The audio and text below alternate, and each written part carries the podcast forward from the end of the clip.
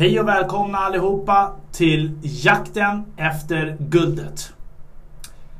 Mitt namn är Armand Faltin och idag har jag med mig två stycken skitgrymma gäster. De är Managing Partners på Megadeal Advisory och grundare av Performance Excellence. Hej och välkomna David Klettborg och Bora Brännström. Hej och tack. Stort tack, vilken otrolig introduktion. Fint. Ja, superfin introduktion. Ja. Äntligen så träffas vi. Efter att ha sett varandra och följt varandra i sociala medier ett bra tag nu. Verkligen. Och ni kom ju ut med en riktigt stor bang när man såg eran eh, bokrelease. Från ingenstans så har ni tagit över hela medianäringslivet så att I säga. alla fall, vi ägde LinkedIn ett tag där i alla fall. Ja, det var några veckor Ja. sedan det var... Ja. Jag, hade här polare som bara, bara Alltså nu får du lägga av. Jag ser er på LinkedIn hela tiden. Nu är det så att eh, för att lyssnarna ska kunna få höra lite och veta lite om er och kunna sära på er som personer så skulle jag vilja höra lite om er uppväxt. Och ni två har ju känt varandra sedan ni var fyra år gamla. Kan ni berätta lite först om, om det? Nej men det stämmer. Vi är uppvuxna på Östermalm i Stockholm och jag bodde i en fastighet på, på Riddargatan 55 och en dag så kom det en kille med sin mamma och stod och väntade i porten. De kom inte riktigt in. Ehm, och det visade sig vara min nya granne, Bora, fyra år med jättestort krulligt hår. Ehm, och det man inte visste då det var att vi skulle bli best friends. Ehm, det började väl med ett litet eh, bråk där i början, eller ett par bråk. Och sen Jag vann alla bara så att vi gör Ja, det var, det var där någonstans som jag började, började på boxning för att då kunna slå tillbaks. Eh, så att, nej men vem kunde tänka sig då att vi skulle sitta här långt mycket senare, 40 år senare och, och göra det här tillsammans. Det är en ganska rolig resa. Mm. Ja, men jag kan lägga till också att, att eh, Östermalm, det låter ju ganska glammigt och, och coolt. Eh, men men det, det, ett Östermalm som var ganska skilt från vad Östermalm är idag faktiskt. Det, det var en skön blandning av både eh, bostadsrätter men hyresrätter. Det var ju på den tiden av allmännyttan faktiskt. Svenska bostäder och de här lägenheterna fanns eh, innan det blev ombildat. Mm. Så att mixen av människor var, var riktigt, riktigt skön. Eh, och, och jag menar, jag hade aldrig haft förmånen att bo där. Eh, Bora kanske, men inte, inte vi med pappa som var elektriker och mamma som jobbade på förskola. Eh, och det var inte det, var inte liksom det här flashiga. Eh, utan eh, alla var du med varandra, jag på säga. Eh, för sen hette du kanske något annat i eh, efternamn. Men det var, det, var inte någon, det var inte någon hets på den tiden om, om man skulle, att man skulle ha de coolaste bilarna och snyggaste kläderna. Nej. Ehm, så att det var, det var en riktigt, riktigt bra plats att växa upp på. Det var tryggt och eh, man, ja, jag tror vi hade jäkligt kul tid ihop med Star Wars och, och allt vad vi eh, lekte med. Vad är din synvinkel på det hela då Bora? Nej men jag tycker David eh, sa, sa det rätt bra. Jag, eh, jag, jag är född i Turkiet och flyttade hit när jag var ett. Ehm, och mamma och pappa skilde sig och eh, pappa han eh, köpte en kåk ute i Täby, Täby kyrkby faktiskt. Eh, så på helgerna levde jag villalivet. Jag sprang på gräsmattor och lekte och busade. Och eh, i veckorna bodde jag faktiskt på Riddargatan 55 med David. Ehm, och jag eh, gick faktiskt på eh, International School of Stockholm. Och sen gick jag på British Primary School. Så jag gick alltid en engelsk utbildning. Ja, okej. eh, fram till 10. Och sen flyttade jag till London. Det kan vi ta sen.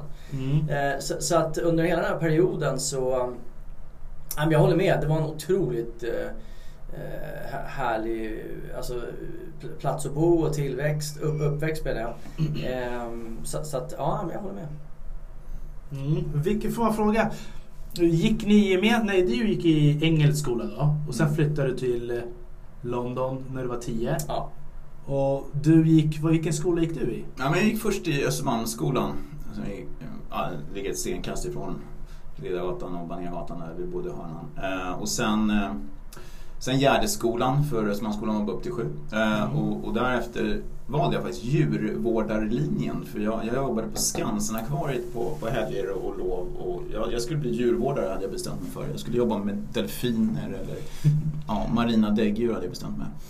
Drömjobb. Ja, men, men sen blev jag faktiskt sjuk. Eh, där någonstans som min sjukhistoria började. Eh, så jag, jag hoppade av eh, ettan. Eh, var, jag gick inte i skolan på ett helt år. Jag tror jag träffade alla, alla läkare man kan tänka sig träffa. Eh, och tills jag träffade rätt läkare och, fick hjälp. Eh, och sen eh, började jag i Östra Real, humanistisk, gick tre år där. Och där- Vad humanistiskt, vad är det för linje? Ja, men det är språk, eller på den tiden, men det var språk, språkinriktat. Så det var gamla grekiska, latin, tyska, engelska, spanska, Åh, vad grymt. Ja. Språk är det ballaste tycker jag. verkligen. Språk är mäktigt, men Bora är faktiskt bättre på språk än vad jag är, även om jag har gått humanistiskt Mm. läroverk kan man säga. Ja. Så att, eh, och vad gick du i för linje? Gick du, pluggade du i Sverige eller? Nej, men alltså jag, jag pluggade, jag gick ju då i engelska skolor här i, i Stockholm. Och liksom på den tiden, nu har ju invandringen ökat ganska kraftigt. Så att nu, nu finns det ju en ganska så här melting pot i, i, i Sverige kan man säga. Men på den tiden var det inte riktigt så. Och speciellt runt om liksom Östermalm. För det var ju mycket mer segregerat på den tiden. Um, Östermalm var ju ganska, g- ganska ovanligt kan man säga. Men för mig var det så här, tänk dig då när man är fem bast eh, eller sex eller vad man är när man börjar skolan och så går du in i internationell skola. Så att jag gick ju på International School of Stockholm som ligger på, vad heter det, uppe vid kyrkan där. Mm. Röda berg eller Ja, Michelle ja. eller? Ja. Ja. Eh, ja, i alla fall. Mitt, ja, Långt därifrån. Ja, mitt i stan i alla fall. Eh, och du vet, det var ju mest eh, eh, ja, men det var ju mest så här ambassadörsfolk och företagsledare som kom hit och sina barn där. Så det var ju alla möjliga olika nationaliteter som gick på den här skolan. Och så Mm. Borra alltså, dök upp från ingenstans. Så för mig var det ganska coolt för att jag vid väldigt tidig ålder så började jag redan eh, eh, liksom, ja men varför gör han så? Och varför agerar hon så? Och varför äter de så där? Och varför eh, beter sig de så där? Mm. Så för mig blev det väldigt tidigt ganska normalt och vanligt att ja, men liksom, vi we're different. Och det finns olika kulturer i världen och det finns olika människor som gör olika saker. Mm. Och det här är superviktigt för det har präglat tror jag, min uppväxt och min personlighet otroligt mycket eh, över åren. Och sen när jag flyttade till London så bodde jag liksom i London i sex år.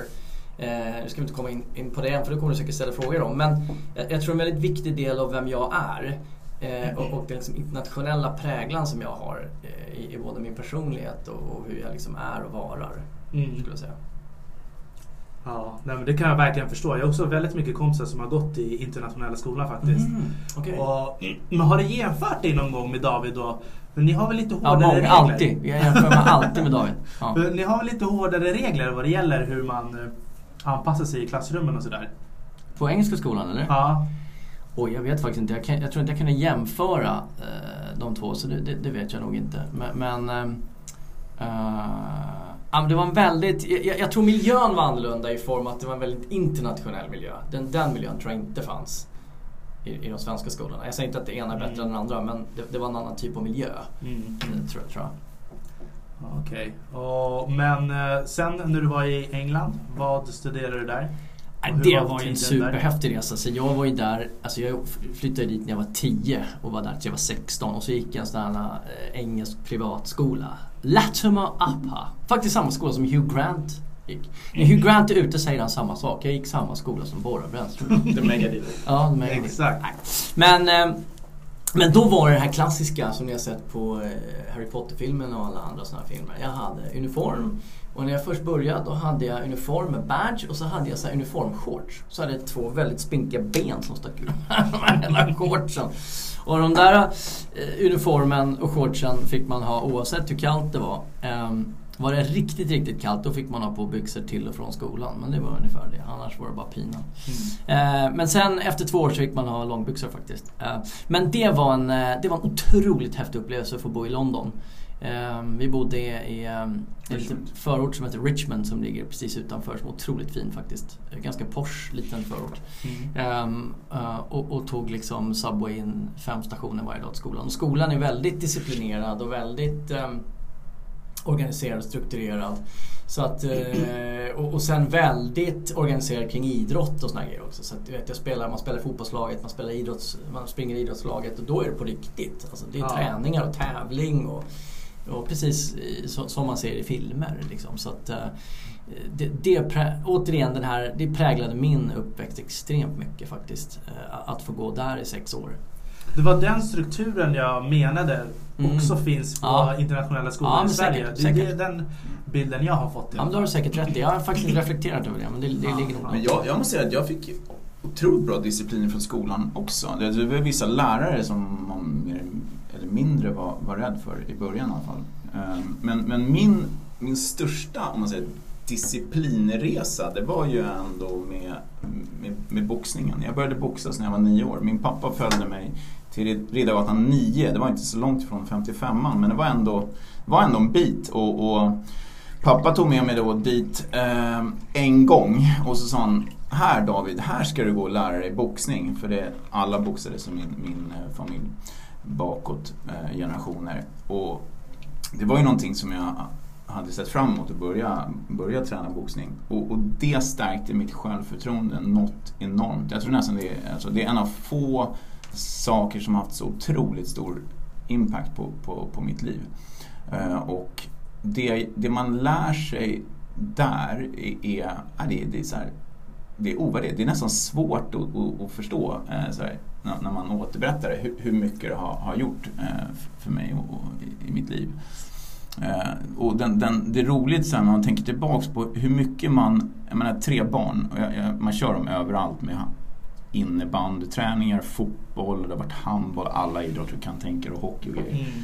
Och man har sett varenda match mer eller mindre och varit på rätt många träningar. Min, min pappa han var inte ens och kollade på en match. Liksom. Eller, han, var, han var med en gång och det var när han skulle visa vägen dit. Liksom. Mm. Hur, hur, det skiftet, det skulle man kunna göra en podd också om. Mm.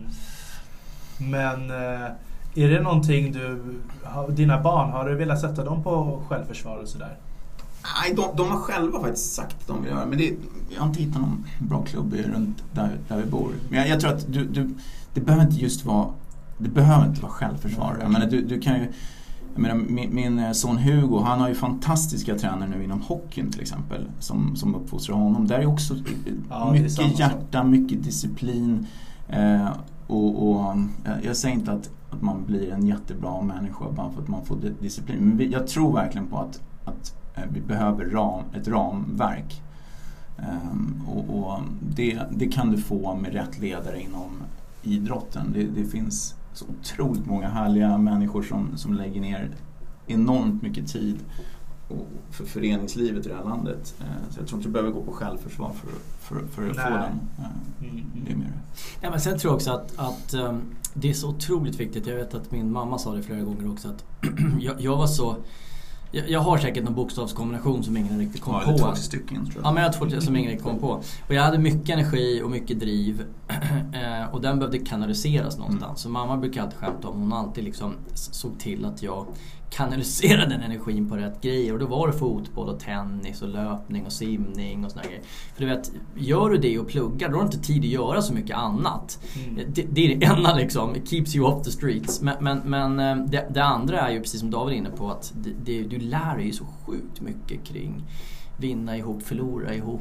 ehm, Ja, Kunna lära sig att ta jobba i kritik. team, ta kritik, Mm. eh, samarbeta, ta ansvar. Mm. Liksom det, du, du lär dig så, så det är två saker, du lär dig extremt mycket men sen också så blir du så occupied med de grejerna så att då håller du inte på med andra dumma grejer liksom. så att jag tror liksom... Och det här är väl någonting man också liksom kan använda sig av i arbetslivet. Jag brukar säga Mm. man kan märka på en gång om någon har spelat i en lagsport eller inte. Ja precis. Mm. Uh, hur de tar kritik. Ja exakt. Och Ja, det är ju verkligen riktigt viktigt tycker jag. Ja, att lära sig och, och det man lär sig i idrott rent allmänt. Ja, superviktigt. Men det finns faktiskt ingen som jag känner som är så bra på att ta kritik. Som bara, du, du till och med frågar Det håller jag faktiskt inte med om. Nej men du till och med roligt. frågar ju efter så här, kritik. Alltså, man, du kan ju vara på ett möte med honom. Alltså säljmöte. Om man går tillbaks till den tiden liksom, med, på Amex och så. Du kunde ju fråga kunden, så, "Ah, men hur tyckte du det gick för mig i det här mötet? Alltså det, det, det finns ju inte. Det, jag har aldrig hört någon annan göra det. Eh, och ha- hade du en dragning för någon så här Europachef eller något som, då, då kunde ju du gå fram och fråga så här, "Ja, men, hur tyckte jag skötte mig? Liksom, vad ska jag tänka på nästa gång? Så, här, så direkt vill han ju ha den här feedbacken. Och, och, och om, om de då mot förmodan skulle såga dig längs fotknölarna då, då, då var det så här genuint, så här, det var ju 20 frågor till. Liksom. Okej, men hur kan jag göra nästa gång? Liksom. Ja. Och det är så det hela tiden blir bättre. Har du det mindset, growth mindset, hela tiden vill jag lära mig. Precis. Och det, och det, är liksom, det har ju följt med, jag ska säga båda oss genom, genom Mm, hela verkligen. livet. Vi, vi tror ju inte att vi är bäst i världen på, på, på det vi gör. Ja, jag- Utan- jag är ju Ja, du tror ju Ja. kanske det. Du är inte men, riktigt där. Nej, Ja. men, men, äh, ja, men ha- har du den inställningen någonstans eh, ödmjukt eh, så, så kommer du alltid att, att, att växa eh, Mm. under hela livet. Och det, det tror jag är nyckeln till, till att lyckas. Ja, men David brukar säga hashtag never graduate. Mm. Faktiskt. Um, och det Jag brukar inte säga hashtag never graduate men jag brukar, Never skri, skriva det. Ja, Ja, ja, brukar- jag ja. brukar skriva. Ska jag skriva? Ja, Jag kanske inte säger det. Ja, men säger ju never graduate. Never. Kanske inte säger Ja, hashtag. låter- För mina barn säger du kan inte säga det. Det låter för töntigt att säga hashtag. Är det så? Vi är för gamla för det? Ja, ja. Okej, ja, men ni- du förstår. Och det Jag ligger förstår. extremt mycket i det. Alltså verkligen never och där är, David pratar mycket om det här med never graduate. Att, och, och jag, jag, för att citera David lite mer, alltså den sekunden man känner, tror att man kan, då, då är man på väg ner åt, åt, Ja, åt, men åt helskotta precis. faktiskt. Ja men David och jag, vi klämmer ju Ah, vi lägger i alla fall en till två timmar om dagen Mm. på antingen ljudböcker, YouTube-klipp, um, inspirationsvideos, um, Poddar. poddar. Alltså konstant faktiskt. Mm. Eh, Det är samma här. Men vad skönt att ni har i alla fall att båda ni kan prata med varandra Mm. om Ja. det här. Mm. Och inte liksom tröttna. Mm. Mm. Och hur, ni valde ändå olika vägar Mm. eh, när ni studerade på universitetet. Du pluggade ekonomi båda va? Och eh, du studerade juridik. Stämmer. Hur kom ni in på och varför valde ni det, vad ni valde och så vidare? Men vi var ju från varandra där under en längre period när, när du drog till London och sen var ju Turkiet Istanbul. en sväng Istanbul och gick på amerikansk skola och sådär. Eh, och ja, men man får ju såklart ny, nya vänner och, och sådär.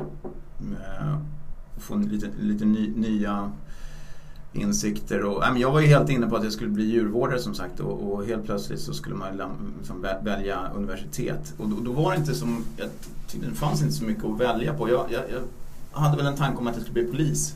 Och, och Polishögskolan tog inte in just då så då tänkte jag att jag kan läsa juridik under tiden. Och, och sen upptäckte jag att det var rätt kul ändå med, med juridik. Jag minns att jag, jag, jag tyckte någonstans att efter eh, 10 poängen med jiken då, då hade jag där hade jag nog kunnat gått ut och jobba som advokat kände jag. Eh, och sen efter, efter ytterligare så här fyra, fyra och ett halvt år och sån här, då insåg jag att jag kan ju ingenting om det här. Så det är också rätt intressant. Man, man får en så här, ja men det här kan jag ju nu. Och sen ju mer du läser och, och grottar in det mer insåg jag att du kan ju ingenting egentligen. nej, men jag, jag tyckte juridiken gav mig ändå, eh, jag, jag har inte nytta av det varje dag men, men jag tror man eh, tänker ganska mycket på sista tiden. Jag, man, man, man lär sig en systematik. Hur, hur tar man in mycket information? För man läste ju extremt mycket på juristiden. Mm. Eh, och sen så slog ju portarna till Polishögskolan upp eh, och fick förmånen då för att bli, bli polis. Och då hoppade jag av ju- juristlinjen men, men läste in den sen, samtidigt som jag jobbade som polis. Ja, Så jag jobbade, jobbade nätter men pluggade på dagarna. Så ibland gick man direkt till universitetet efter man hade eh, jobbat hela natten. Mm. Så, men, men eh, jag såg att du hade två olika befattningar när du var polis. Mm.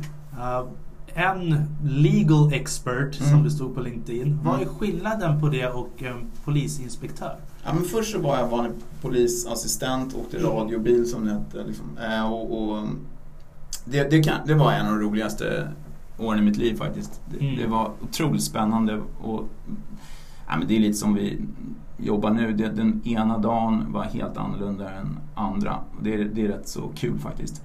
Eh, och sen så sökte jag en roll som jag visste att jag inte skulle få. Eh, som inspektör på, på radion. Alltså där, där jag sitter och dirigerar länets resurser. Och Man Okej. blir inte inspektör om man inte har tio års tjänst. Men, men jag och en kille till faktiskt. Jag tror vi är de yngsta inspektörerna inom tiderna. Vi blev inspektör efter tre år. I alla fall en av de yngsta. Eh, och, och sen läste jag som sagt klart juristlinjen. Och då fick jag möjlighet att börja jobba på eh, rättsenheten. Så man kan väl säga att alltså den avdelningen lyder direkt under länspolismästaren i Stockholm. Så man var länspolismästarens jurister kan man säga. Så vi, Okej. vi skrev eh, alla rättsutredningar, svarade på SOU och, och, och så vidare. JOs, eh, justitieombudsmannens utlåtanden och Eh, och, och, och sen var det ju länspolismästaren som, som skrev under det. Så det var ju väldigt vitt skilt ifrån åka radiobil. Liksom. Det var det jag tänkte. Mm. Hur hamnade du där? Var det liksom att du ville bort ifrån gatan fast Nej. du hade kul eller? Nej, det, det var egentligen inte utan jag, det, det är den här tror jag jobbiga strävan som jag har haft hela mitt liv. Att jag hela tiden vill, vill framåt och uppåt och testa något nytt. Ehm, och det var inte alls lika roligt som att jobba i det här underbara turlaget som med, med tjejer och killar och åka radiobil. Men det var det var bättre betalt och man fick mer löv på axlarna och det, be, det betyder mycket då, då att gå från 19 000 till 27 000 i månaden. Liksom. Kan man se löv på axlarna? Ja men det, man får ju, om man blir inspektör så får man lite löv. Jaha. Ja, Aha. och, du- och, och, Jag trodde och, att det var ett ordspråk eller och något. kommissarie, de har, ännu, de har ännu fler löv. Ja, kommer- försök inte, för det, kommer det kommer bli fel om Ja. du drar den. Jag drar såna ordspråk och så drar jag dem fel hela tiden. Sitter Mm. David och så här skakar på huvudet i möten med kunder. Ja, vi har en hel bok om hans felsägning. Jag blandar ihop alla de här. I alla fall, förlåt, det var en helt digression. Men eh, hur, hur kommer det sig att du slutade sen då och valde att hoppa på något nytt? Var det för att Kan inte båda du var berätta på det bara? För det var ju faktiskt ditt fel, kan man säga. Allt är mitt fel. Alla fel leder till mig. Mm. Bara så att vi Mm. är överens. Nej men, när David höll på mitt uppe i det här. Jag hade ju liksom... Jag hade börjat... Jag gick ju ganska direkt in... Jag, jag, jag var tre år, vi behöver inte gå in på det. Jag var tre år i Istanbul och pluggade amerikansk skola. Men sen kom jag tillbaka. Eh, och så ehm, eh, pluggade jag på universitetet här. Eh, jag tog mig igenom ekonomiutbildningen ganska så här.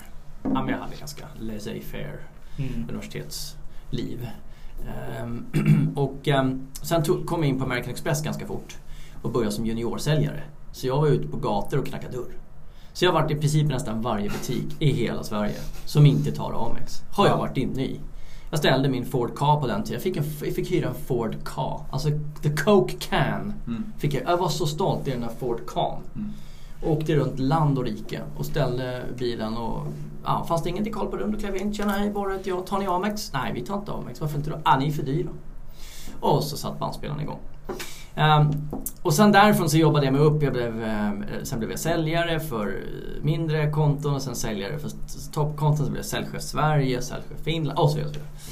Men i det här då, när David höll på att brottas med om man ska vara polis i det, så, så jag känner honom rätt väl. Så inser jag någonstans att men han, mår han tycker väl sådär om det där. Och vi pratar väldigt mycket idag, gjorde vi inte då, men att find your why. Alltså hitta det man faktiskt brinner för, den passionen man har. Mm. Um, jag menar om du kollar på Gallup idag så 8 av 10 går till sina jobb disengaged. Mm. Alltså bara för att gå till sina jobb. Det är ju helt sinnesrubbat. Helt galet. Nej, det är nog galet. Och vi har ju en teori David och jag om det. Att det bygger väldigt mycket på att man i en väldigt tidig ålder eh, får påtryckningar av sin miljö. Alltså sin mamma, pappa, skola omgivning. Mm. Som säger att det här är framgång. Om du bara blir advokat eller om du blir eh, ja, jurist eller vad det nu är. Så kommer Ja. du bli jättelycklig. Ja, och så är är man ungdom och barn så tar man åt sig det. Eh, och, och, och sen så kommer man på på vägen att men vänta nu här, det här är inte alls i linje med det jag tycker är kul och det som gör mig fulfilled. Mm. Tony Robbins har en fantastisk citat. Han säger “Success without fulfillment is the ultimate failure”. Precis. Ehm, och, och jag tror David var lite inne på det spåret att han testade massa såna här grejer men, men jag, tror inte riktigt du eh, var fulfilled in, in i benmärgen. Eh, och, och det där kände jag av, även om jag inte kunde sätta ord på det på samma sätt som jag gör nu. Så kände jag av det här och eh, vi satt faktiskt på en middag du och jag. Hur, när var det här? 15 år sedan? Nej. Mm. Fem, ja. Mm. Och så sa jag till David så här, du David, eh, det finns en eh, det finns en öppning som client manager på American Express. Det är alltså en, en, en tjänst som hanterar några av de största kunderna American Express vårdar inom um, inlösensidan. Då. Mm. Så tänkte jag IKEA och, och, och Ja, Okej. ja, nu kommer jag inte på alla, alla bra namn. Men, men eh, Scandic Hotels och ja. Choice och alla de här. Liksom. Man managerar oss till att de tar Amex och så vidare. Jag, jag, du skulle vara klockren för det här. Och David är så skön för att de flesta går därifrån och bara, men låt mig tänka på det. Jag hann knappt säga klara meningen. Så bara, jag är på! Jag tar det. Ja, men, men David, vänta lugn här nu. Alltså du ska tänka, nej, kör! Men alltså David, alltså, jag kan, om jag, då, ringer jag, då ringer jag chefen nu och pratar. Ja, gör det! Så jag var ju med, till och med så här, men fan David, vänta nu. Så då ringer jag, ett ganska roligt samtal. Jag ringer upp till Andreas då. Som, Klockan typ tio på kvällen på Tio på fredag. kvällen. På en Tio, fredag. tio på kvällen fredag ringer jag upp till Andreas Montelius, en fantastisk människa. Mm. Som var chef där för många, många år. Och du Andreas, jag, då, och då har de sökt efter en kandidat ganska länge. Men inte fått tag i rätt kandidat. Ja. Och jag vet ju att hans liksom, värderingsgrunder och personlighet är ju klippt och skuren för den här rollen. Så jag säger så här, du Andreas, jag tror jag har hittat en bra kandidat som jag tycker ni ska träffa. Ja, vad har han gjort då innan? Ja, ah, polis och jurist. Han bara, fan, bara, är du full? Men det är väl den bästa grunden tänkte jag. Fan, fan, bara, är du full? Så tänkte nog inte Jag tänkte inte Andreas. Jag bara, fan Andreas, alltså trust me bara, trust me liksom. Mm. Träffa killen liksom. Ja, och så bara så går det så här en vecka, det går två veckor, det går tre veckor. Du vet, de träffar kandidater, de hittar inte en kandidat. Så bara du, fan har du träffat honom än? Nej men vi liksom så här. Till slut går det så här. jag tror det gick en och en halv månad. Mm. Och jag är ju utomlands på semester, jag vet inte om det var Turkiet eller vad. Så bara får ett samtal. Så bara, Andreas ringer. Jaha, tjena Andreas, bara. Du, ehm, vi har träffat den här David. Jaha, vad tyckte du då? Så bara han kunde knappt, han bara Bästa kandidaten vi träffar. jag bara Exactly baby! Liksom, Ja. liksom, lyssna på farsan. Eh, men men li- lite skämt åsido då så, så tror jag så här, men det går tillbaka till att det handlar inte alltid om liksom, den, liksom, ja, CVn. Det handlar väldigt mycket om eh, värderingar och, och karaktär och, Mm. och allting. Och där var ju David. Alltså, Men jag och tycker, inställning tror jag också. ja, ja visst. Så, men så jag att- tycker så- CV är, en, det är ju ett bra CV. Alltså du har en juridisk bakgrund, du har varit polis. Mm. Hur kan man inte tro att det är bra att bygga på? Kan jag tänka. Men jag tror de flesta skulle nog säga att det inte är ett bra CV om, om man ska jobba med Strategisk Ekonomi, försäljning eh, kanske. som Ja men strategisk försäljning. Ja, strategisk försäljning. Men, men det finns eh, när man, alltså, om man verkligen... Jag gillar ditt synsätt för det, det och om man sen tittar på liksom, hur karriären såg ut för mig inom Amex så, så gick jag ifrån att ta hand om stora kunder till att ta hand om riktigt stora kunder till att jag började jobba i ditt team som, där man då sålde, sålde in sig på nya, alltså hunting-delen, liksom med acquisition. Mm. Eh, och sen eh, när, du, när du slutade så hade jag möjlighet att, att, att bli chef för den, då, samma roll som du hade. Eh, och sen blev jag ju faktiskt VD för Norden på inlösen på Affärspartners. Så att, Ja. Och då var, det var, blev mer och mer juridik i, på, på den resan. Eh, så, och, och det någonstans tror jag faktiskt både Andreas och, och Micke Rasmussen då som, som eh, anställde mig såg. Eh, men sen är det ju så mycket annat liksom som, som har med relationsbyggande att göra. Eh, och, men där, där å andra sidan, alltså, du, du, eh, man, det är ett ganska starkt varumärke polis också egentligen. Alltså, man, alltså, ni någon har en känsla för polisens varumärke precis som Amex. Antingen så älskar de eller så, så tycker Ja. de att de är lite för dyra och, och kanske inte tycker att polisen är för dyra. Men, men alltså det, det, det väcker känslor liksom. Mm. Eh, och det eh, handlar mycket om att snabbt skapa en relation med människor och gärna kunna bygga på dem mer, mer långsiktigt eh, också. Så att eh, det, ja, du, du var rätt ute bara fast det var ingen annan som förstod hur rätt ute du var. Nej, men jag tror att David och jag har också över åren adoptat eh, den mer medvetet. Jag tror, jag tror inte det var så här 100% medvetet då men, men däremot jag kände ju David så väl så jag visste ju vad han gick för. Mm. Eh, men, men jag tror mer medvetet idag att när vi, när vi tittar på hur vi bygger team och bygger, äh, bygger bolag och här grejer så, så liksom det handlar Alltså det handlar verkligen först och främst om the people. Mm. Och det, när vi pratar om the people så handlar det först och främst om värderingsgrunder. Mm. Eh, och, och vad det är för person. Det är faktiskt number one. Mm. Alltså, har de rätt värderingsgrunder och har rätt liksom, eh, karaktär eh, resten löser sig. Men, men de kan vara vär, alltså det kan vara den bästa säljaren på planeten men har de inte rätt värderingar så kommer det inte funka. Nej, Eh, och, och, och det är någonting jag tror vi, all, vi har tagit med Det har blivit mer medveten över time men, men det har vi nog tagit med oss väldigt mycket tror jag i, i hur vi operate idag. Liksom. Mm. Mm. Och jag tänker också så här. När man ska göra en prospektering på kunder som ni ska ta in. Och det verkar ju vara långa processer och när ni gör de här beteendeanalyserna och behovsanalyserna. Där måste du väl också ha hjälp ifrån polisutbildningen? Eller? Jag vet inte.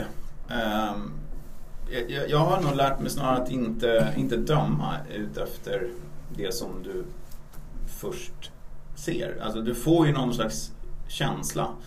Eh, men jag, jag vill hela tiden ifrågasätta den känslan. Och, och um, i, inte drar för snabbt, eh, snabba slutsatser.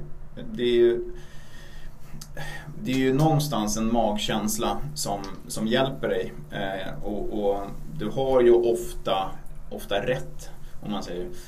Men det, det händer också att man, man drar förhastade slutsatser. Eh, och, och man, man ser på en liksom, förpackning och så drö- dömer man innehållet efter det. Och jag tror snarare att jag har lärt mig att, att inte döma innehållet. Eh, utan Ja, okej. eh, faktiskt. Mm. Mm.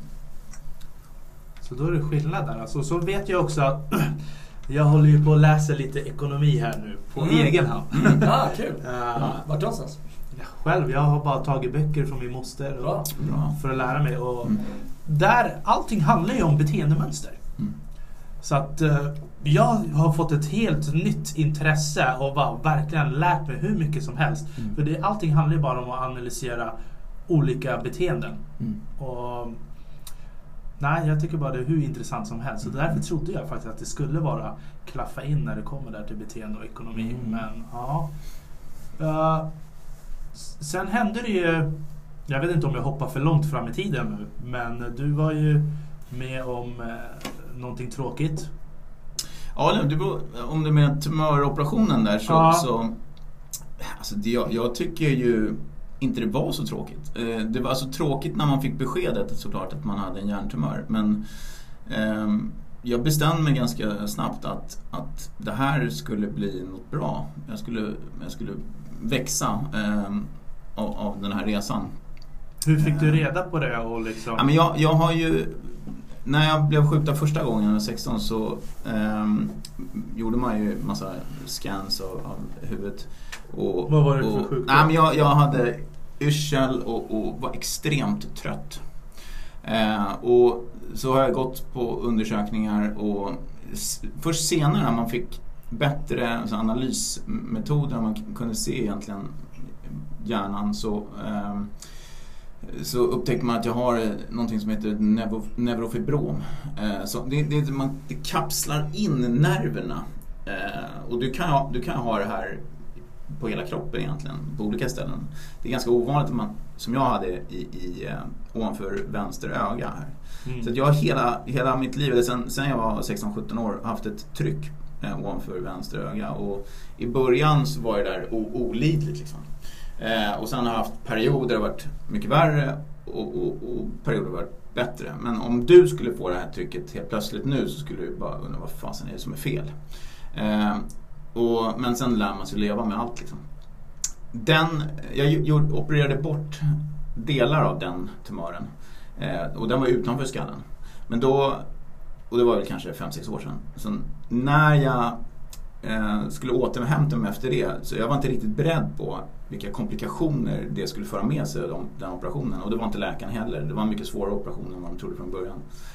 Eh, så att min första reaktion var ju liksom att fasen, det här vill jag inte gå igenom igen. Eh, när jag fick reda på att jag hade den här hjärntumören inne i hjärnan då. Men sen bestämde jag mig ganska snabbt för att det, det handlar mycket om, om mindset och, och hur jag väljer att tackla det här. Och som svar på din fråga varför man upptäckte den här hjärntumören inne i hjärnan var för att man gjorde de här scanningarna varje år, ett par gånger om året för att koll, hålla koll på, På eh, ena. utveckling på den, på den första. Då, så, säga. så det var egentligen ett bifynd som man säger. För att om du inte upptäcker den, den tumör som jag hade då inne i hjärnan tillräckligt snabbt eh, då får du till slut så ont i huvudet att du kommer upptäcka den för att du går och scannar den om du har den möjligheten i det land du bor i. Ja. Eh, men eh, om du inte gör någonting åt den, då dör du. Den, den tar över, liksom, den växer för stark. Mm. Eh, och det, jag behöver inte prata i detalj om, om, den, om den resan men, men eh, var, den, den satt på ett väldigt dumt ställe för den har liksom börjat växa in i ett blodkärl. Så operationen var ju ja, hyfsat komplicerad. Då. Men det är bara att tacka. Alltså, och när du är sjuk på riktigt i Sverige då får du faktiskt riktigt bra hjälp.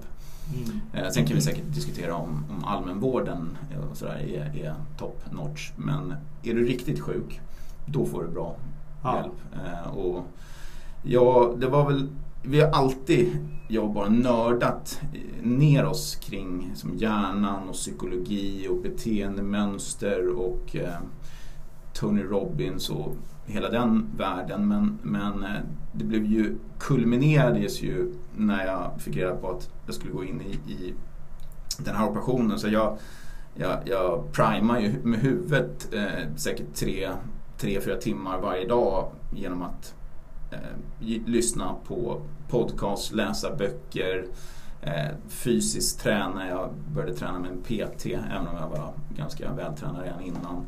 Eh, så jag blev besatt liksom av att jag, jag, skulle gå igenom det här och komma ut som en ännu starkare och bättre människa på Ja, andra men det är ju sidan. helt rätt inställning. Du hjärntvättar dig själv samtidigt som Mm. du tränade och förberedde dig själv. Ja, det är... Uff. Vad kände du när David var i den där? Du måste också ha fått... Ja, men alltså, grejen är så att David, David och jag, vi ser på, på, på vi är så tränad i våra vanor. Det är som David säger, att vi började för 15 år sedan att nörda ner och se vad är skillnaden som gör skillnaden för vissa. Varför är det så att vissa människor, jag kommer svara på frågan men jag tror den här Mm. bakgrunden är viktig att förstå. Mm. Varför är det så att vissa människor blir riktigt duktiga medan andra människor blir mediokra när de har egentligen tillgång till exakt samma resurser? Men, men helt plötsligt så är den här personen världsbäst och den här personen medioker. Och, och det är någonting som både David och jag har varit extremt så här, ehm, nästan obsessed är kanske lite för starkt ord, men liksom extremt fascinerad över. Mm. Så vi började 15 år sedan började vi verkligen studera det här och läsa om det här. Och en av de första som vi blev ganska frälst i, en, en fantastisk människa som heter Kjell Enhager. Eh, Ja, okej, ja. eh, so- som... ehm, eh, NLP-guru. Ja, NLP-guru och har också en otrolig story faktiskt i ryggen. Mm. Men, men extremt duktig på de här hur hjärnan funkar och hur man liksom primar sig själv för framgång och så här grejer. Och sen Tony Robbins. Och så, ja, vi, kan dra. Och vi, har, vi, har, vi har läst jättemycket böcker kring det här och kollat på podd och gör det fortfarande. Mm. Och då är det så att då har vi ju vi har ju tränat in i väldigt många år ett visst typ av vana och mindset i att inte vara i victim mode when shit happens. Mm. Men istället ta ett accountability och ansvar för situationen eh, och fokusera på det du vill. Och sen se till att, för, för det är så otroligt om du gör det. Alltså hamnar du i victim mode och dina tankar, alltså vi har någonstans en, vad säger vi, 60-70 000 tankar om dagen. Och börjar de här tankarna att fokusera på att du är eh, svag, att du inte kommer klara det, att det inte kommer gå. Då kommer varenda cell i din kropp säga så här, det där fixar vi. Och så kommer det sluta med att du failar och mår Ja. dåligt och är kass. Men om du istället har de här tankarna och riktar dem till dit du vill och vad du vill åstadkomma och hur du vill vara. Då kommer varenda cell i din kropp säga, det fixar vi. Och så kommer du flytta dit. Henry Ford har det här fantastiska citatet Whether you think you can or you can't, you're right. Så varför berättar jag allt det här? Jo, det jag tror är viktigt att förstå är vad kände jag om David när jag gick igenom det här. Alltså, David är så skolad i det här, i, i den här tankemönstret. Det, är liksom en, det i hans ryggmärg. Så att vår tid, vi la inte ner tid på liksom oj oj stackars, oj hur ska det gå? Vi gick Nej, inte i det- victim mode. Vi var ju, liksom, det var ju mer bara att David han tränade stenhårt, han gick in mentalt i det här. Han preppade i sig själv sten och då peppade jag honom naturligtvis med, med med, med den här typen av liksom, vision, vad vi är på väg, vad vi ska göra, hur vi vill bli. Så att vi, vi, var, vi var direkt in i, i, i den moden liksom. Och hans recovery är ju värd, så jag inte dra, drog den nu, men den är ju helt unheard of. Kan inte du bara dra alltså det? Ja, men de, de sa tre veckor eller två veckor skulle jag vara på intensiven och sen så minst tre veckor på rehab. Men efter ja, två, tre dagar på intensiven och två, tre dagar på rehab så, så jag var hemma på sex, fem, sex dagar. Efter en hjärntumörsoperation. Ja. Och Men- var ute och jogga efter liksom.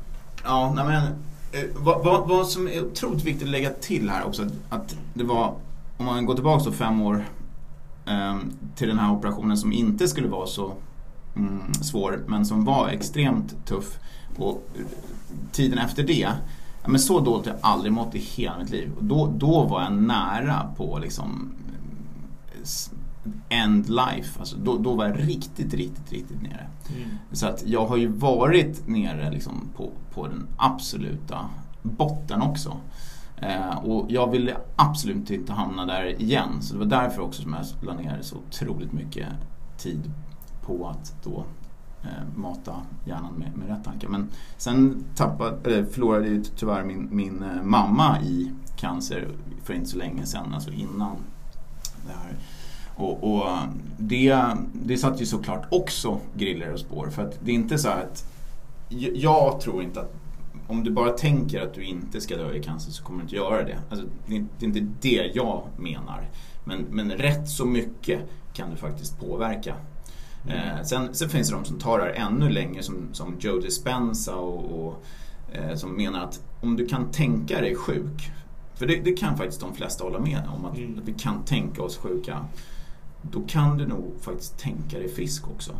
Sen vet jag inte om jag vill dra det lika långt så att du kan liksom bota cancer eh, genom att liksom tänka på ett visst sätt. Men, men han menar ju, eh, och flera med honom, att de kan visa på scanning av hjärnan att du faktiskt kan eh, genom meditation och vissa delar frammana, alltså jobba fram cell, bygga upp celler som har blivit förstörda. Och det finns ju några fantastiska exempel på, på barn, jag kommer ihåg det som Kjell Enhage berättade för oss, eh, när, när, när barn faktiskt har botat sig själva.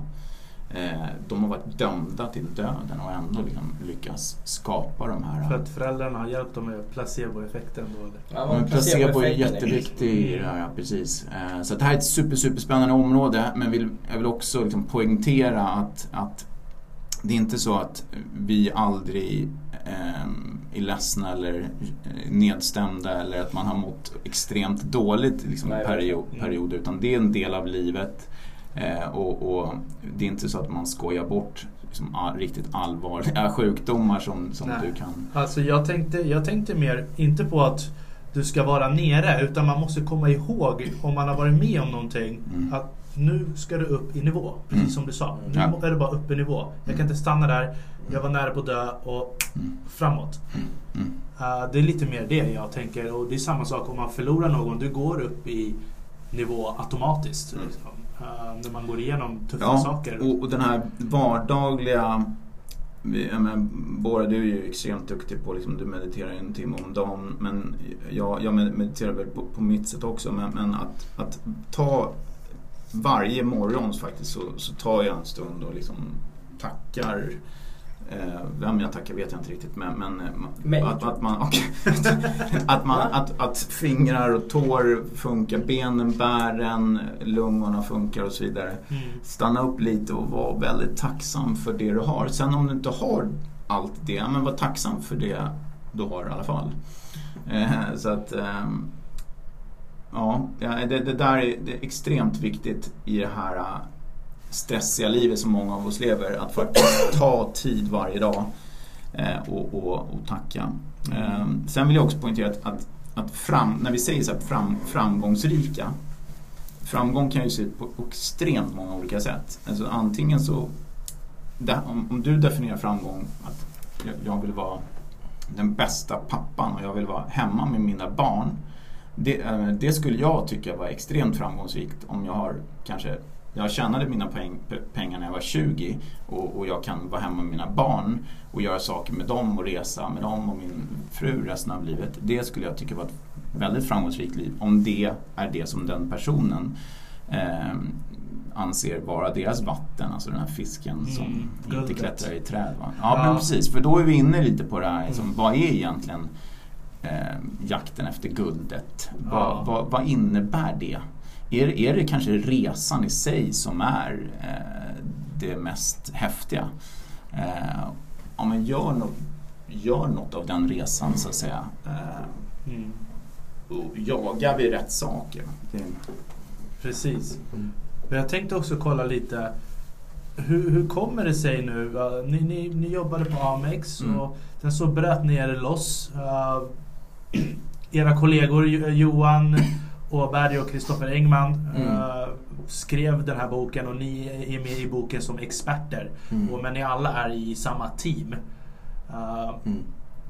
Kan du berätta hur, hur hela planen, hur ni kom in på det hela och sen när ni kom ut mm. med en bang och alla bara visste vilka ni var. Från ingenstans. Men, men jag, jag, tror innan, man, innan vi kommer dit så är det så här. Um, för, för jag tror David är på rätt spår här att, att man måste man måste också reflektera och dra ner de här grejerna på jorden uh, och, och, få mänskligheten i det. Alltså, både David och jag har ju en ganska lång period eh, haft, liksom, det är lätt att säga så här, men gör det du älskar och hitta ditt why och såna grejer. Men sen finns det en vardag också. Räkningar ska betalas och det är barn ska till skola och det är en massa såna grejer. Mm. Um, jag tror David hade väldigt lång tid um, um, velat starta en, en egen verksamhet som med grunden handlar om att liksom hjälpa andra människor eh, utveckla sin potential och bli, bli, bli världsklass på det de är bäst på. Liksom. Det är egentligen det som är... Och hitta sitt element. Ja, men hitta sitt element. Och när vi pratar om det här med fisken och elementet så, så eh, bara för att förtydliga det så är det ett Einstein-citat som säger att “Everybody is a genius”. But if you judge a fish by its ability to climb a tree, it will live its whole life believing it's stupid. Jag tycker mm. den är briljant. Och hur många fiskar känner vi inte som klättrar upp i träd? Eh, det vill säga de är inte inne i sitt rätta element. Det är det jag menar med fiska i vattnet. Mm. Ehm, och, och, vi tror verkligen på att alla har en fenomenal potential. Alltså alla har en fenomenal potential. Skillnaden bara är att de som verkligen, vem, kan verkligen leva ut den potentialen? Men då måste du först hitta det du verkligen brinner för och det du älskar att göra. Det är liksom, och det är någonting som, i och med att jag och David har nördat ner oss i det här med liksom, vad är det som gör att du hittar din, den här potential mm. i så många, många år.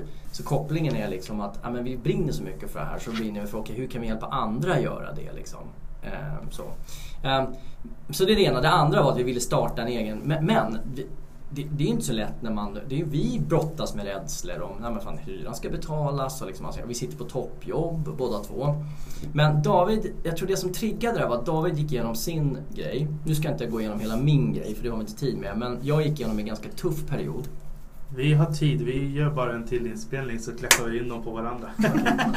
Nej men jag gick igenom en ganska, det, det, det, roliga var att både David och jag gick igenom två ganska tuffa upplevelser. David gick igenom den här tumörgrejen som var tuff. Jag gick igenom en, en skilsmässa. Eh, där jag liksom ändå varit, alltså vi har varit ihop i 20 år nästan, gift i 10. Ehm, eh, och, och, det är ganska tufft, två barn och liksom, ja, men hus ihop och såna grejer. Mm. Så när man har varit ihop så pass länge och barn och allting så är det, är det en ganska tuff resa. Eh, samtidigt som jag gjorde det så, så eh, så slutade jag på det bolaget som jag jobbar på och ska starta eget. Så det är två extremt stora, liksom, vad ska man säga, enorma förändringar i ens liv. Och du vet hur människan är förändring är ju jättejobbigt. För du vet, ut in the unknown, liksom, vad, vad kan hända? Så det, det var eh, det var, det var, en extremt liksom, tuff period för oss båda. Men jag tror vi båda i det där reflekterade någonstans över, ja, men tillbaka till eh, David pratade om vad är framgång, men jag, jag, gillar ordet fulfillment. Jag tycker Tony är inne på en grej där. Liksom, att Success without fulfillment is the ultimate failure. Och jag tror det handlar om att hitta mm. fulfillment. Och för olika människor är det helt olika. Mm. Eh, för en person är det bästa idrottsmannen eller kvinnan i världen. För en annan är det bara, du jag vill bara ha ett vanligt jobb. Jag kan komma hem till mina barn och min mm. familj och jag vill liksom åka iväg på semester. Alltså, mm. Inget är rätt eller fel. Det är mm. fulfillment. Men vi har hela tiden haft den här fulfillment av att göra det här ihop. Eh, Men, jag tror att de här två ganska tuffa grejerna i våra liv eh, liksom någonstans triggade oss faktiskt att, att säga, "Ja, men nu gör vi det här. Liksom. Mm. Eh, Nu, nu gör vi det här. För oftast är det in tuffa upplevelser som man liksom kommer ut och börjar värdera vad man vill göra. Så det är väl liksom kontext. Mm. Men... Ja, och sen så träffade vi då, eller jag, jag, känner- jag kan ju bara dra, jag har känt Kristoffer i väldigt många år. Säkert 15 år. Du har känt honom ganska länge också. Ehm, och vi, Kristoffer, vi tre har någonting gemensamt, det är att vi nördar ner oss i de här sälj, säljgrejerna. Och han bad ju faktiskt, han, han intervjuade faktiskt oss. Säg marknadsföring också, för annars så får du stryk av. Ja, förlåt. Sälj marknadsföring. förlåt, förlåt. Sälj marknadsföring. Och Johan också är ju nörd när det kommer till sälj och marknad. Ehm, och ehm, alltså vi blev intervjuade för boken och då hade vi ju, då var vi ju kanske ett halvår nästan in i vårt egen lilla projekt med performance excellence. Mm. Ehm, och så då sa han också, men grabbar kan inte ni bara läsa boken och ge feedback? Och då läste vi boken och vi var totally blown away. För vi har ändå jobbat med säljmarknad i Ja, 25 men man får ändå säga att Amex är liksom the Harvard School of Leadership and Sales. Liksom. Ja. Det, de, de är faktiskt Ja. extremt duktiga Ja. på de här bitarna. Mm. Och ändå var det bitar den här boken som vi bara, ja, nej, det här gör vi ju inte. Ja, vi kanske gjorde det här och 70%, 60% men, men de, vi hade inte sett någon som har satt ord på det och liksom lagt upp det på ett så här systematiskt sätt. Och det som är så coolt, det finns ju massor med böcker som är skrivna dialogtekniker, så challenger sales och spin selling, solution selling och så vidare. Men vi har aldrig sett eller läst, vi har läst ganska många sälj och marknadsföringsböcker där man har förklarat den här disciplinen som de ändå har gjort i den här boken. Och, och sen då när vi fick reda på att ah, men det är ju för att man har intervjuat mellan 60 och 70 megadealers runt om, om i hela världen. Mm. Och då har man hittat gemensamma nämnare mellan alla de här personerna. Och det är de som är då boken. Plus att man har tittat också på 100 stycken Fortune 500 bolag och hur de jobbar med det här. Mm. eh, Och tagit lärdom av. Och det, är, jag menar, det, är ju, det är ju 100 personer ungefär som, som, är, har led, som ligger bakom den här boken.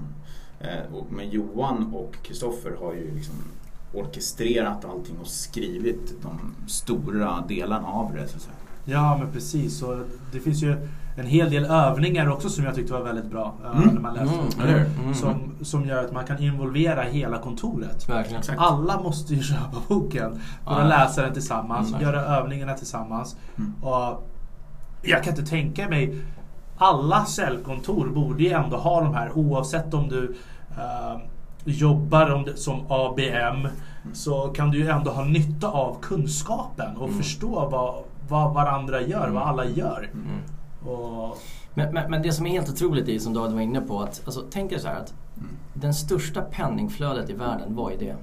Det är ju M&As, Merger and Acquisitions. Det vill säga när två bolag går ihop eller ett bolag köper ett annat bolag. Det är ju det största penningflödet i världen. Är, du- är du med på det? Mm, mm.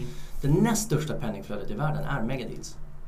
Det vill säga de största transaktionerna av B2B-bolag eh, eh, när de gör en transaktion mellan två kunder. Så att vad, vad vi såg någonstans är att ta Oracle, SAP, Ericsson, några av de största bolagen i världen. Så såg vi i forskningen att oftast var det så att under 1% av deras kunder representerade över 80% av deras intäkter och, och eh, profit. Det är ju helt sjukt. Ja. Så det är det näst största penningflödet i världen. Det är ju liksom the holy grail av bolagens kunder. Eller hur? Det var nummer ett. Det andra man såg i det här var att det var extremt få personer i de här bolagen som kunde utföra de här affärerna. För att det handlar om att orkestrera en sån komplex, vad vi kallar ekosystem av olika stakeholders och influencers. Så att det var kanske ja, men tre, fyra pers på ett bolag som flög runt de här Zlatans Mm. runt om. Eller Serena Williams. Eller Serena Williams. Och ingen har skrivit om det. Alltså hur kan du ha det näst största penningflödet i världen och ingen har skrivit om det? Ja, Det är ju helt otroligt. Ja. Ja. Så de såg ju liksom ett hål. Ja. Eh, Ett som stort hål i marknaden Ja. som bara behövdes täppas igen. Ja. Och jag själv kommer ju använda mig av det här uh, när jag vill uh, sälja min produkt. Uh, när man hittar trojanska hästar och rävar och champions och hela den biten. Ja, det missade jag. Ja. Men kan ni berätta lite om trojanska hästar? Vad är skillnaden på trojanska hästar, rävar, champions? Mm. Ja, men, men, champions, de är ju högre upp ofta i organisationen. De, de står liksom med din flagga och pratar väldigt gott om dig och de pratar också högt om dig inför, inför andra. Eh, men det som är häftigt när man har intervjuat de här megadealers, de säger att om du inte har de här trojanska hästarna, som också kallas för svampar eller andra, kär, kärt barn har många namn. Eh, de, har du inte dem med dig i, när du gör en megadeal så kommer du inte kunna göra en megadeal. För att de förser dig med information som du inte får de offentliga vägarna. Du, så här, du kan inte läsa dig till. Eh, det, det, kan ju vara saker så här, hur, hur, är du klädd på kontoret på IKEA till exempel? Eh, det, det finns kanske någonstans i någon bok. Men, men och, och, det är just för att IKEA är ett stort bolag. Men, men ett bolag som inte är lika eh, känt eller det är inte så offentligt. Eh, där måste du ha den här informationen och Även om du kan lista ut hur du ska vara klädd. Det kan ju vara människor i de här bolagen som sitter på besluts... Eh, de är med och påverkar beslutet. Men du kan inte läsa dig till på deras visitkort att de är med och påverkar beslutet. Mm. För de har jobbat där i, i 30 år och det är de som håller låda och styr på kafferasten. Eh, och, och, har en otrolig inverkan och påverkan på, på hela, hela teamet. Eh, så det är de här informella eh, ledarna till exempel. Och då, då kan du få den informationen av, av en trojan att ja, men du, prata med Stina och Lena för de, de måste du ha mer på bussen. De kanske till och med var med och visa dig hur ekosystemet in, internt och externt fungerar. Mm. Så att har, du, har du inte gärna flera trojanska hästar så kommer du inte kunna göra en, en, en eh, stor affär. Stor affär. Och det, be, det behöver inte vara så stort som en megadeal. Mm. För man måste komma ihåg också med den här boken. Alltså det, det är briljant att kunna se hur de bästa gör. Att vi lär oss av de bästa även om inte vi gör stora affärer. Så det här, det här är extremt viktigt i sammanhanget. För att många tror att jag gör inte megadeals så jag behöver inte, jag behöver inte läsa boken med. Men det, det finns otroligt mycket att lära av i den boken om hur du spelar. Alltså tänk dig om man, vi, vi säger att vi använder sportanalogier för mycket men jag, jag tar den ändå för den, jag tycker den är så kraftfull. Om du, om du spelar i division 4 eller kanske i division 6 eller korpen. Mm. Du kan ju fortfarande kolla på Messi och försöka göra de dragningarna han gör. Mm. Eh, träna som de absolut bästa fotbollsspelarna som spelar i Champions League. Eh, och, och, inspireras och så vidare av dem. Eh, det finns ju massor med tekniker som, eh, och, och discipliner. Som, som David säger, boken är en samling av Zlatans, alltså våra bästa megadealers, hur de operate. Så att vill du bli riktigt vass inom sälj och marknad det är som Kristoffer brukar säga, vill du bli riktigt vass inom fotboll då ska man ju studera Zlatan, hur han spelar. Vill du bli riktigt vass inom sälj och marknad, ja då ska du studera det Zlatans av sälj och marknad. Och det är mm. precis det den här boken gör, den tittar ju på liksom megadeal-världen av Zlatans. Och, ja, och, visar hur de agerar. Liksom. Det är inget nytt koncept. Kolla på Carnegie och, och ja, eh, Napoleon Hill. Liksom. Det, det, det, här, det är så många böcker har skrivits tidigare. Så det är ju inget nytt att man tittar på de som har gjort det förut i någon form. Men det som är nytt är att ingen har skrivit om just hur det gör. Hela strukturen. Ja, liksom. Att, man för, att den vanliga människan nu får en chans att förstå strukturer, hur du ska göra vissa mm. saker. Mm. Och få uh, nyckelvägledning mm. som bara direkt pointar på mm. så här gör dina konkurrenter. Mm. Så här kan du göra, även om du bara vill eh, jag vill hitta nya kollegor, okej. Okay. Mm. Nu kan, vet jag hur jag ska prospektera dem. Mm. Och det som David var inne på att, att de, de, de andra träningarna som finns där ute, de är också bra. Eh, men de flesta är mer dialogteknik. Mm. Dialogteknik är om jag, om jag träffar dig, hur för jag den dialogen fram på ett effektivt sätt? Det finns Challenger, det finns Solution Selling och sådär. Och de är jätteviktiga. Mm. också som komplettering till det här. Det vill vi vara väldigt tydliga med. Mm. Men det, det här är något helt annat. Så, så, och det här handlar mer om hur gör du en stor komplex B2B-affär? Och i en stor komplex B2B-affär så finns det vissa jättestora skillnader som påverkar din outcome. Och den, en, en av de här stora skillnaderna är att du får inte kontakt med majoriteten av de som influence the deal. Mm. Det är det här vi kallar ekosystemet. Och då finns det säkert, ja, det kan finnas 10, 20, 30, 50, 100, 200 som påverkar den här affären som du försöker att få. Och vissa av de här är inte ens inne i kundens organisation. Det kan vara politiker, det kan vara eh, leverantörer, det kan vara konsulter som påverkar. Mm. Och du måste influence och påverka de här stakeholders att eh, annars kommer du inte få igenom affären.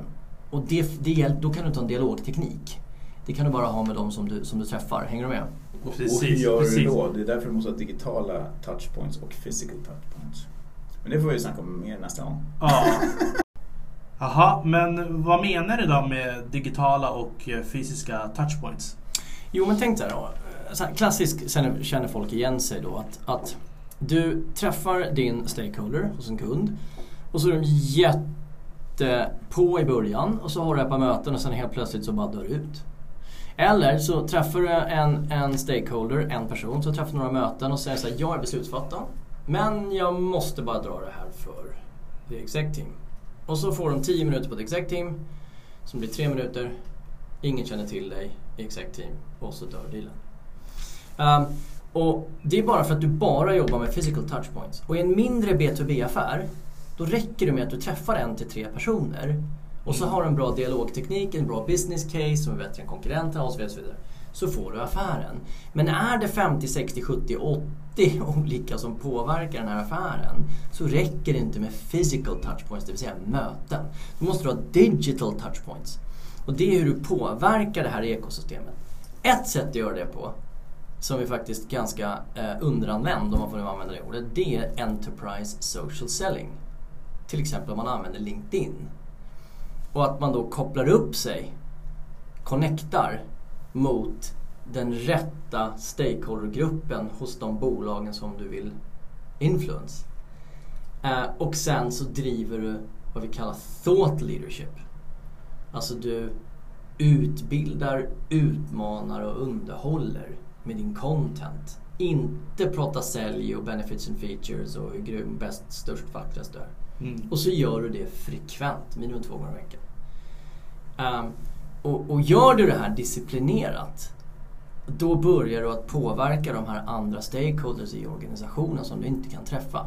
Ett annat sätt att göra det här på är vad vi kallar account-based marketing som det står, står i boken. Det är IP-styrd annonsering.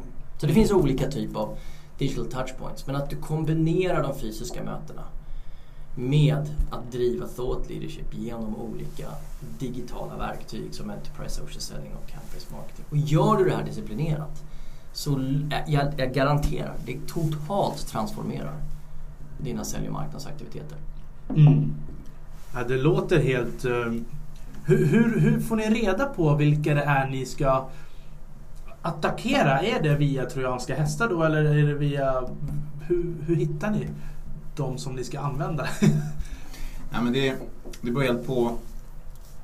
Dels så kan vi, alltså om vi bara tittar på vilken grupp vi vill gå efter. Så i vårt fall då så är det kanske framförallt sälj, marknadsföring och det som vi kallar för C-level, lite slarvigt, men, men, men de som ändå är beslutsfattare. Det, det, de vill man ju ha i, i sitt nätverk såklart. Eh, så det, det finns ju, om man tar ett specifikt bolag så finns det massor med olika system och, och metoder för att eh, komma åt dem och connecta med dem och så vidare. Eh, Och sen när du väl har byggt upp rätt målgrupp så måste du också posta relevant content. För att om jag bara har mina kompisar på LinkedIn Mm. Ehm, ja, det spelar inte så stor roll sådär egentligen vad jag, vad jag postar om. Men, men om jag har den målgruppen som jag vill nå ut med, med mitt budskap och det är ett, ett budskap som, som båda sa underhåller, det utmanar eh, och utbildar. Då kommer de vilja fortsätta att följa det som vi lägger upp. Och, och, och blir det då för krängigt och säljigt, det vill säga jag är bäst, störst och vackrast, kom och köp för vi är den bästa produkten. Mm. Det är inte så utbildande. De, jag, jag brukar säga att jag, jag ser som, som sälj på... Alltså om jag om jag byter ut ordet sälj mot hjälpa. För det, det är faktiskt i slutändan är det det det handlar om. För att om, om jag har en produkt eller service som kan hjälpa ditt företag på något sätt att nå dina mål. Ja men då är ju vi rätt match. Men jag vill inte sälja på dig någonting som du inte har någon nytta av. För det kommer inte, det kommer inte gynna vår relation om jag vill att du ska vara en kund på lång sikt. Och drar du det där då till din spets så du kommer inte ens kunna sälja in det till ett företag. De kommer inte lägga de pengarna om det är en lite större affär. Om det inte träffar direkt in i deras Key Initiatives. Och vad är Key Initiatives? Jo, deras mål. Vad är deras främsta mål för att nå visionen? Jo, det är några steg på vägen. På Amex kallar man det för Big Bets. Det är några steg på vägen för att nå visionen. Visionen kanske inte ens är möjlig att, att uppnå. Det är kanske fred på jorden eller vi ska inte ha något koldioxidutsläpp i framtiden. Men om vi tar de här stegen på vägen så kommer vi komma närmre. Och om jag har en produkt eller en service som inte träffar några av dina key initiatives, vilket oftast är liksom tre, kanske max fem. Ja, men då kommer jag inte kunna göra en stor affär med dig. Mm. Och marknadsföring, det brukar jag faktiskt byta ut lite slarvigt mot att utbilda. För att om jag har en ny produkt som ingen annan känner till. Alltså jag kan, jag kan ringa upp till alla bolag i hela världen och säga hej jag har en produkt som funkar så här så här. Ah, good for you. Utan jag måste börja med att utbilda i vad, vad den här produkten eller tjänsten kan göra för dem. Och den är inte för alla. Alltså det, det, det är extremt få produkter i världen som, som kommer vara, vara för alla. Mm. Eh, en del har en, och de flesta har en mycket mer nischad produkt. Och då är det så viktigt för dig när du gör den här mappningen av vilka kunder du ska gå efter att du är duktig på att diskvalificera. Så de här ska vi inte jobba med. Det kanske är den här delen av världen ska vi inte gå efter. Eller det här, det här segmentet, det här området ska vi inte gå efter. Så får vi en förfrågan från en kund som vill köpa vår produkt men de faller utanför de regler som vi har satt upp. Ja, men då ska vi säga till, till dem redan tidigt att tyvärr, vi är inte rätt match på grund av det här och det här och det här. Men i framtiden kanske vi är det på grund av det här och det här. Och i början kanske de kommer bli lite ledsna eller till och med förbannade. Men de kommer tacka dig i slutändan för att du sparade dem tid och pengar. Och sen kommer de ringa upp dig senare, vilket vi har sett flera fall på. Och säga att du, vi fick så jäkla bra förtroende för er. Tack för att ni sa nej förra gången. Nu har vi det här caset som ni pratade om. Och ännu mer pengar att lägga. Ja, det är faktiskt Mm. ganska ofta så. Så att eh, många idag har inte riktigt ens koll på vad, vad de själva står för, vad de själva säljer. Eh, och om du inte själv vet det, då är det ganska svårt att dels få med dig ditt team och sen är det ännu svårare att få, att få med någon annan på, på spåret att de ska Mm. investera i, i din produkt eller tjänst. Och det här David säger kring, kring diskvalificering är jätteviktigt för att när man skolas in i en säljvärld när man är ung och liten eh, då är man tränad till att gå efter så många opportunities som möjligt. Mm. Det är så här, it's a numbers game. Ju mer du säljer på, desto mer du får in. Mm. Men i megadeals-världen är det tvärtom. Där megadealers är extremt duktiga på att diskvalificera. Mm. För att, och anledningen är att det tar så långt mycket pengar, tid och resurser och så långa säljcyklar. Så du har inte råd att lägga de tid, pengar och resurser på någonting som inte kommer gå i hamn. Ja. Och, och därför är de så duktiga på att kvalificera och diskvalificera. Eh, och det är en jätteskillnad mellan om du jobbar med transaktionell försäljning eller om du jobbar med... med Och det här är någonting som eh, ni hjälper till med också då om någon anlitar er. Att sålla ut på diskvalificering eller hjälper ni till att bygga själva strukturen eller? Ja men precis, det, är- det är ett ramverk kring de här delarna. Mm. Och, och de flesta har ett mindset idag tror jag att, att kvalificera. Det vill säga att man, man försöker trycka in så mycket som möjligt.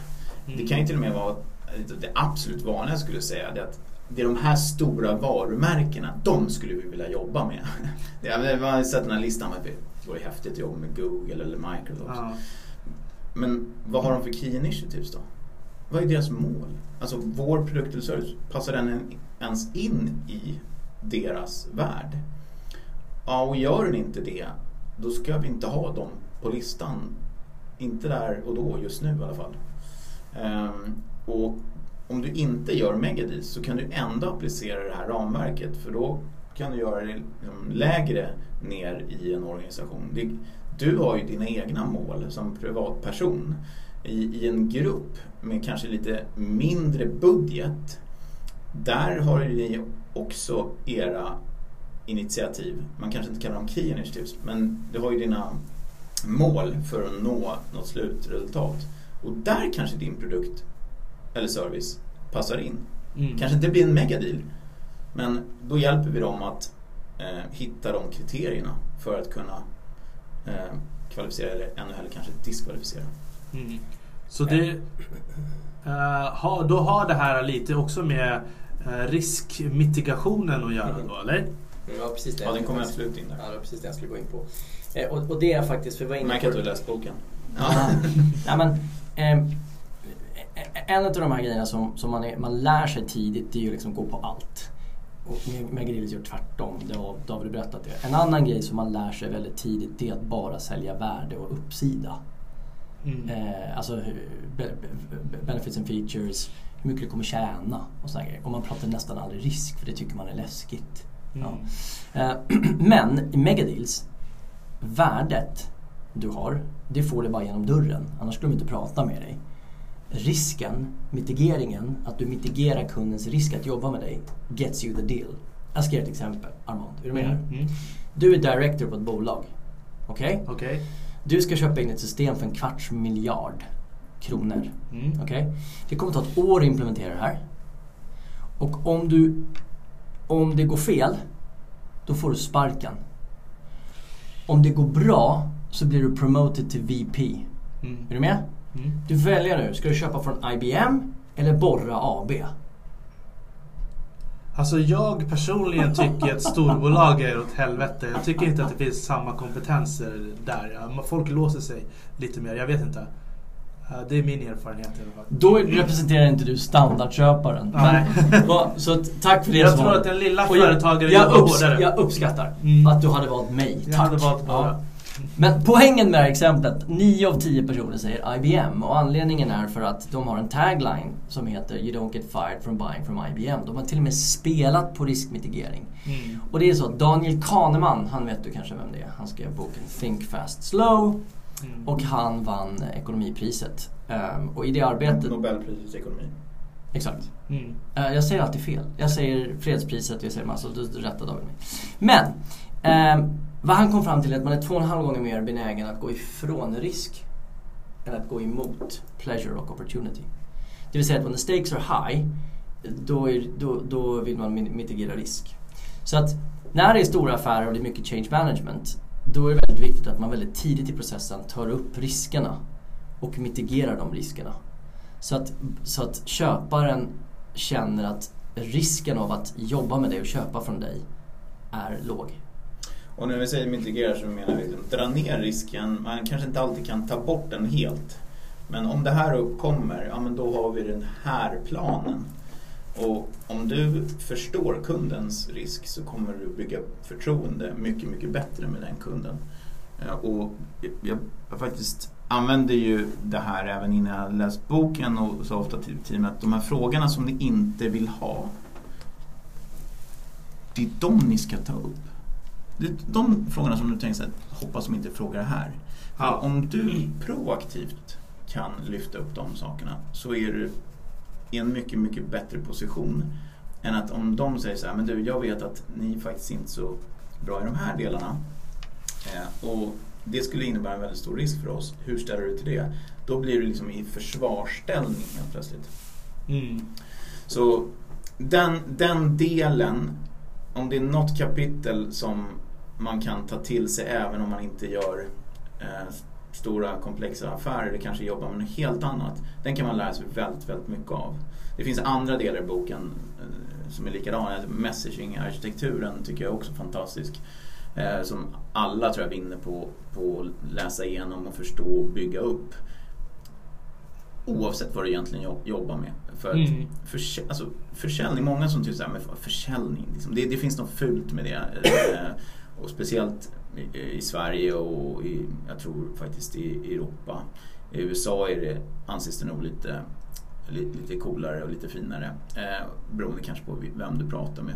Men, men för, för, mig, för mig försäljning eh, någonting fint och det är någonting som du gör egentligen varje dag. Jag menar, nu någonstans sitter ju vi och säljer in oss. Du säljer in dig. När jag går hem till min fru och ska övertala henne att vi borde äta någon god middag eh, och, och att vi ska lägga pengar på det så det är någon slags införsäljning. Och när skolans lärare står och berättar om hur kul det är med historia, ja, men då försöker de sälja in att de ska lära sig historia, barnen. Och, så att hela tiden så jobbar vi med att eh, sälja någonting. Mm. Eh, och, och om, om du gör det av rätt, har rätt eh, avsikter så är det faktiskt för att hjälpa den personen. Du vill att den ska lära sig historia för att om du kan historia, kan nutid, kanske du också blir lite bättre på att se vart ekosystemet är på väg någonstans framöver. Ja, precis. Och skapar en transparens i samtalet. Eh, Det jag tycker först och främst att riskmitigationen visar att du kan prata med mig. Ja, faktiskt. Det Och att jag förstår dina utmaningar. ja. Ja, exakt.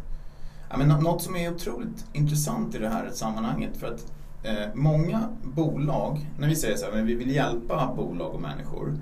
Eh, många bolag idag, och faktiskt i det här landet och i Norden, vi är väldigt innovativa. Vi är duktiga på att komma upp med lösningar. Men sen är vi inte lika bra på att få ut de grymma innovationerna i världen och bygga ett bolag utav det. Mm. Utan det finns många som nöjer sig någonstans med att men jag, jag, jag har faktiskt byggt det här och jag är stolt över det. Sen att ingen som vet om att du har byggt det eller det kommer världen till gagn. Ja, det var ju synd ungefär. Mm. Jag tror att om, om vi skulle sprida den allmänna kännedomen av hur du faktiskt kan få ut ditt budskap genom att bara läsa den här boken. Alltså, och då, det, det finns otroligt många delar i den. Du behöver inte bli en megadealer. Men du, ta, ta nyckeldelarna ur det här så kommer det hjälpa dig att få ut din innovation. För att min, min, min äldsta son, han går på gymnasiet, kom hem och sa att hans lärare hade sagt att de som eh, kommer upp med den bästa lösningen, innovationen ungefär, den vinner. Den kommer bygga det bästa företaget. Så att det, kom bara på den bästa produkten så är det löst sen. Men det, det, det funkar inte riktigt så. För att om du tar McDonalds, de har inte världens bästa produkt. Säg inte att den är dålig, men det är inte, det är inte världens bästa restaurangmat. Mm. Det finns faktiskt restauranger som, som är lite bättre än McDonalds. Men de Bäst är, pris bara. ja, men de har, de har varit extremt duktiga på att sälja och marknadsföra sin kedja, eller hur? Mm. Så att de har rätt många kunder som äter hos dem. Och tittar du på drycken Coca-Cola så har de också varit ganska framgångsrika. Men, men det, det är inte säkert att det är den bästa produkten för det. Mm. Det, det. Det är till och med så att det kanske är lite skadligt att dricka för mycket Coca-Cola. Och det finns ett vatten som heter Dasani. Det är världens mest sålda vatten, senast jag kollade i alla fall. Och jag tycker inte det är det godaste. Jag tycker faktiskt kranvattnet hemma där jag bor är, är, är godare. Ja. Men, men, men, men, eh, det bolaget ägs av Coca-Cola Company. Och, och listan kan göras ganska lång. Så Okej, är du duktig ja. på sälj och marknadsföring, då ska jag säga att du kan till och med ha en ganska crap produkt. Jag säger inte att de produkterna som jag precis har eh, nämnt nu är dåliga. Mm. Men du kan till och med ha en ganska dålig produkt och ändå sälja väldigt många produkter. Ja. Hörrni, jag tänkte... Nu börjar vi närma oss eh, lite mot slutet Mm. och jag skulle bara vilja höra en sista fråga. Vad är guldet? På er båda. Guldet? Mm. Eh, de- Definiera guldet. Här. Vad- det är det vi ska göra. Vad, exakt, Det är det hela den här vad podden går ut på. ditt guld? Ja, men jag tror jag har Varför landat i eh, vad mitt guld är. Eh, och det handlar om att hela tiden, hela tiden växa. som, som människa. Och det, det är tillbaks till det som, som, som Bora sa. Att jag vill aldrig ta studenten. Jag, jag vill hela tiden lära mig nya saker. För att jag känner mig otroligt fulfilled, eller upprymd, när jag får träffa nya människor, som att träffa dig här idag. Lära mig saker av dig. Eh, och nu, som jag sa till dig förut, jag, jag har lite svårt med att bara prata. Jag vill, jag vill ju ställa en massa frågor till dig egentligen. Nu vet jag att liksom, det är vi som ska vara i fokus här. Men det, det, det, det är så vi är skolade. Att vi, vi vill egentligen få ut så mycket som möjligt av den personen vi har framför oss. Vi kan lära oss av den. Mm. Eh, så det, det är någonstans guldet för mig. Att, att hela tiden utveckla mig själv. Och ibland så utvecklas jag tillsammans med familjen, är med dem. När jag är här så gör jag det tillsammans med mina underbara kollegor, med Bora och, och alla våra underbara kunder där ute.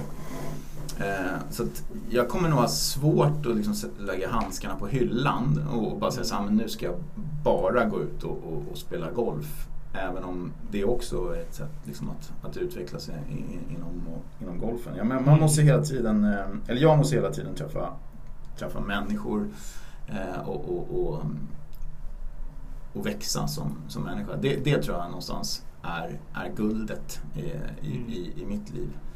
Så du är en riktig jägare med andra ord. Du då Bora?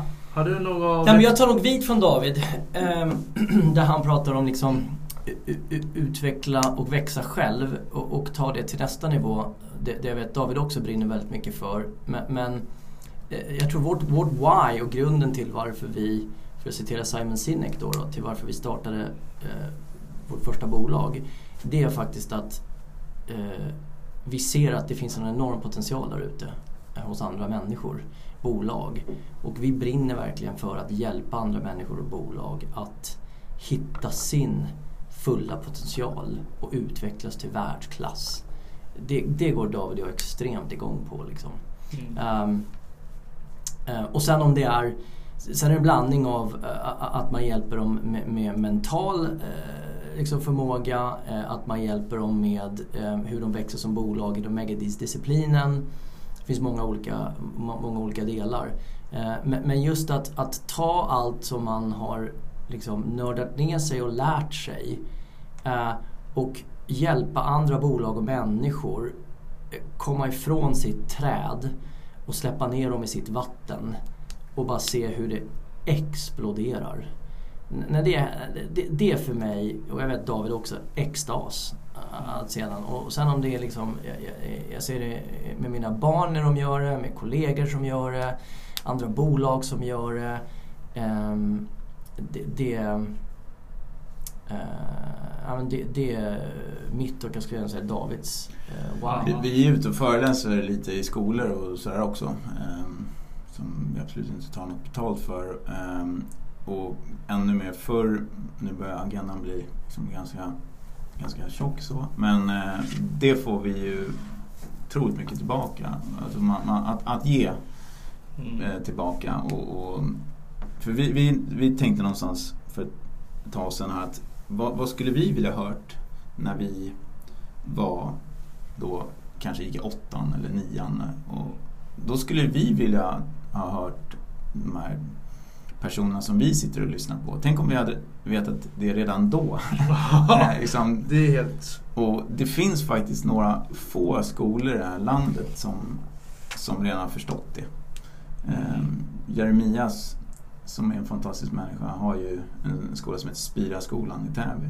Där har de en kille som heter Joe följ honom på LinkedIn, mm. Joe. Alltså jag, jag börjar nästan gråta när jag pratar om honom för jag tycker han är så fantastisk, mm. underbar människa som viger sitt liv till de här barnen och har thinking på temat. Liksom. Jag, jag tycker det är så coolt. Där har svenska skolan och jag tror skolan i världen så extremt mycket att lära av, av sådana förebilder. Och vi, um, vi har ju faktiskt någon, en, en dröm som vi inte pratar om till, många, till så många. Så du får reda på det lite före andra. Att, mm. att, att, en dag faktiskt starta en, en, en skola. Eh, och vi var väldigt nära på att faktiskt göra det. Eh, mm. Men av olika anledningar så blev det inte så. Men, men den, den ligger där någonstans i bak, huvudet att en, en dag så... För vi, vi brinner verkligen för att förändra skolsystemet. Eh, och för att dagens skola har en del utmaningar, Ja. eh, minst sagt. Så det, det är ett område som vore extremt roligt att ta tag i, hela utbildningsdelen. Jag håller Du, helt med. Mm, nej, kör.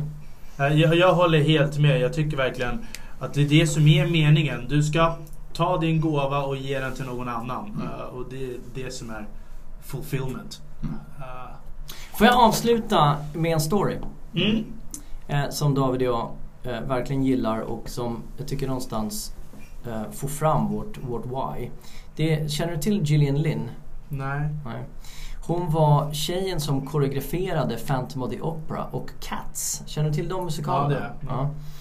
Och nu är vi alltså på 1930-talet och hon är åtta bast. Va? Ja, och hon sitter i, är en sann story. Hon sitter i klassrummet och eh, hon har otroliga problem att sitta still, att koncentrera, att fokusera. Så att läraren ringer upp till mamman och säger så här, eh, Miss Lynn, det är något fel med din dotter. Eh, jag tror hon har någon form av learning disorder. Så du får ta henne till en läkare. Och då hade de inte uppfunnit det här med ADHD och sådär. Så det var inte en condition man kunde ha. Så att mamman jätteoroligt tar henne till läkaren. Läkaren sitter med mamman och Gillian i ungefär 20 minuter och efter 20 minuter så säger läkaren till lilla Gillian, 8 bast, att du, jag pratar med din mamma nu i 20 minuter och hört om allt problem du har i skolan. Vi kommer lämna rummet nu, men vi kommer snart tillbaka. Och när han lämnar så trycker han på radion som är på hans skrivbord och det börjar spela musik.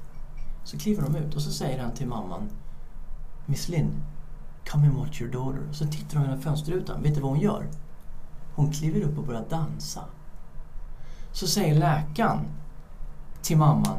Miss Lynn, your daughter's not sick. She's a dancer. Take her to dance school.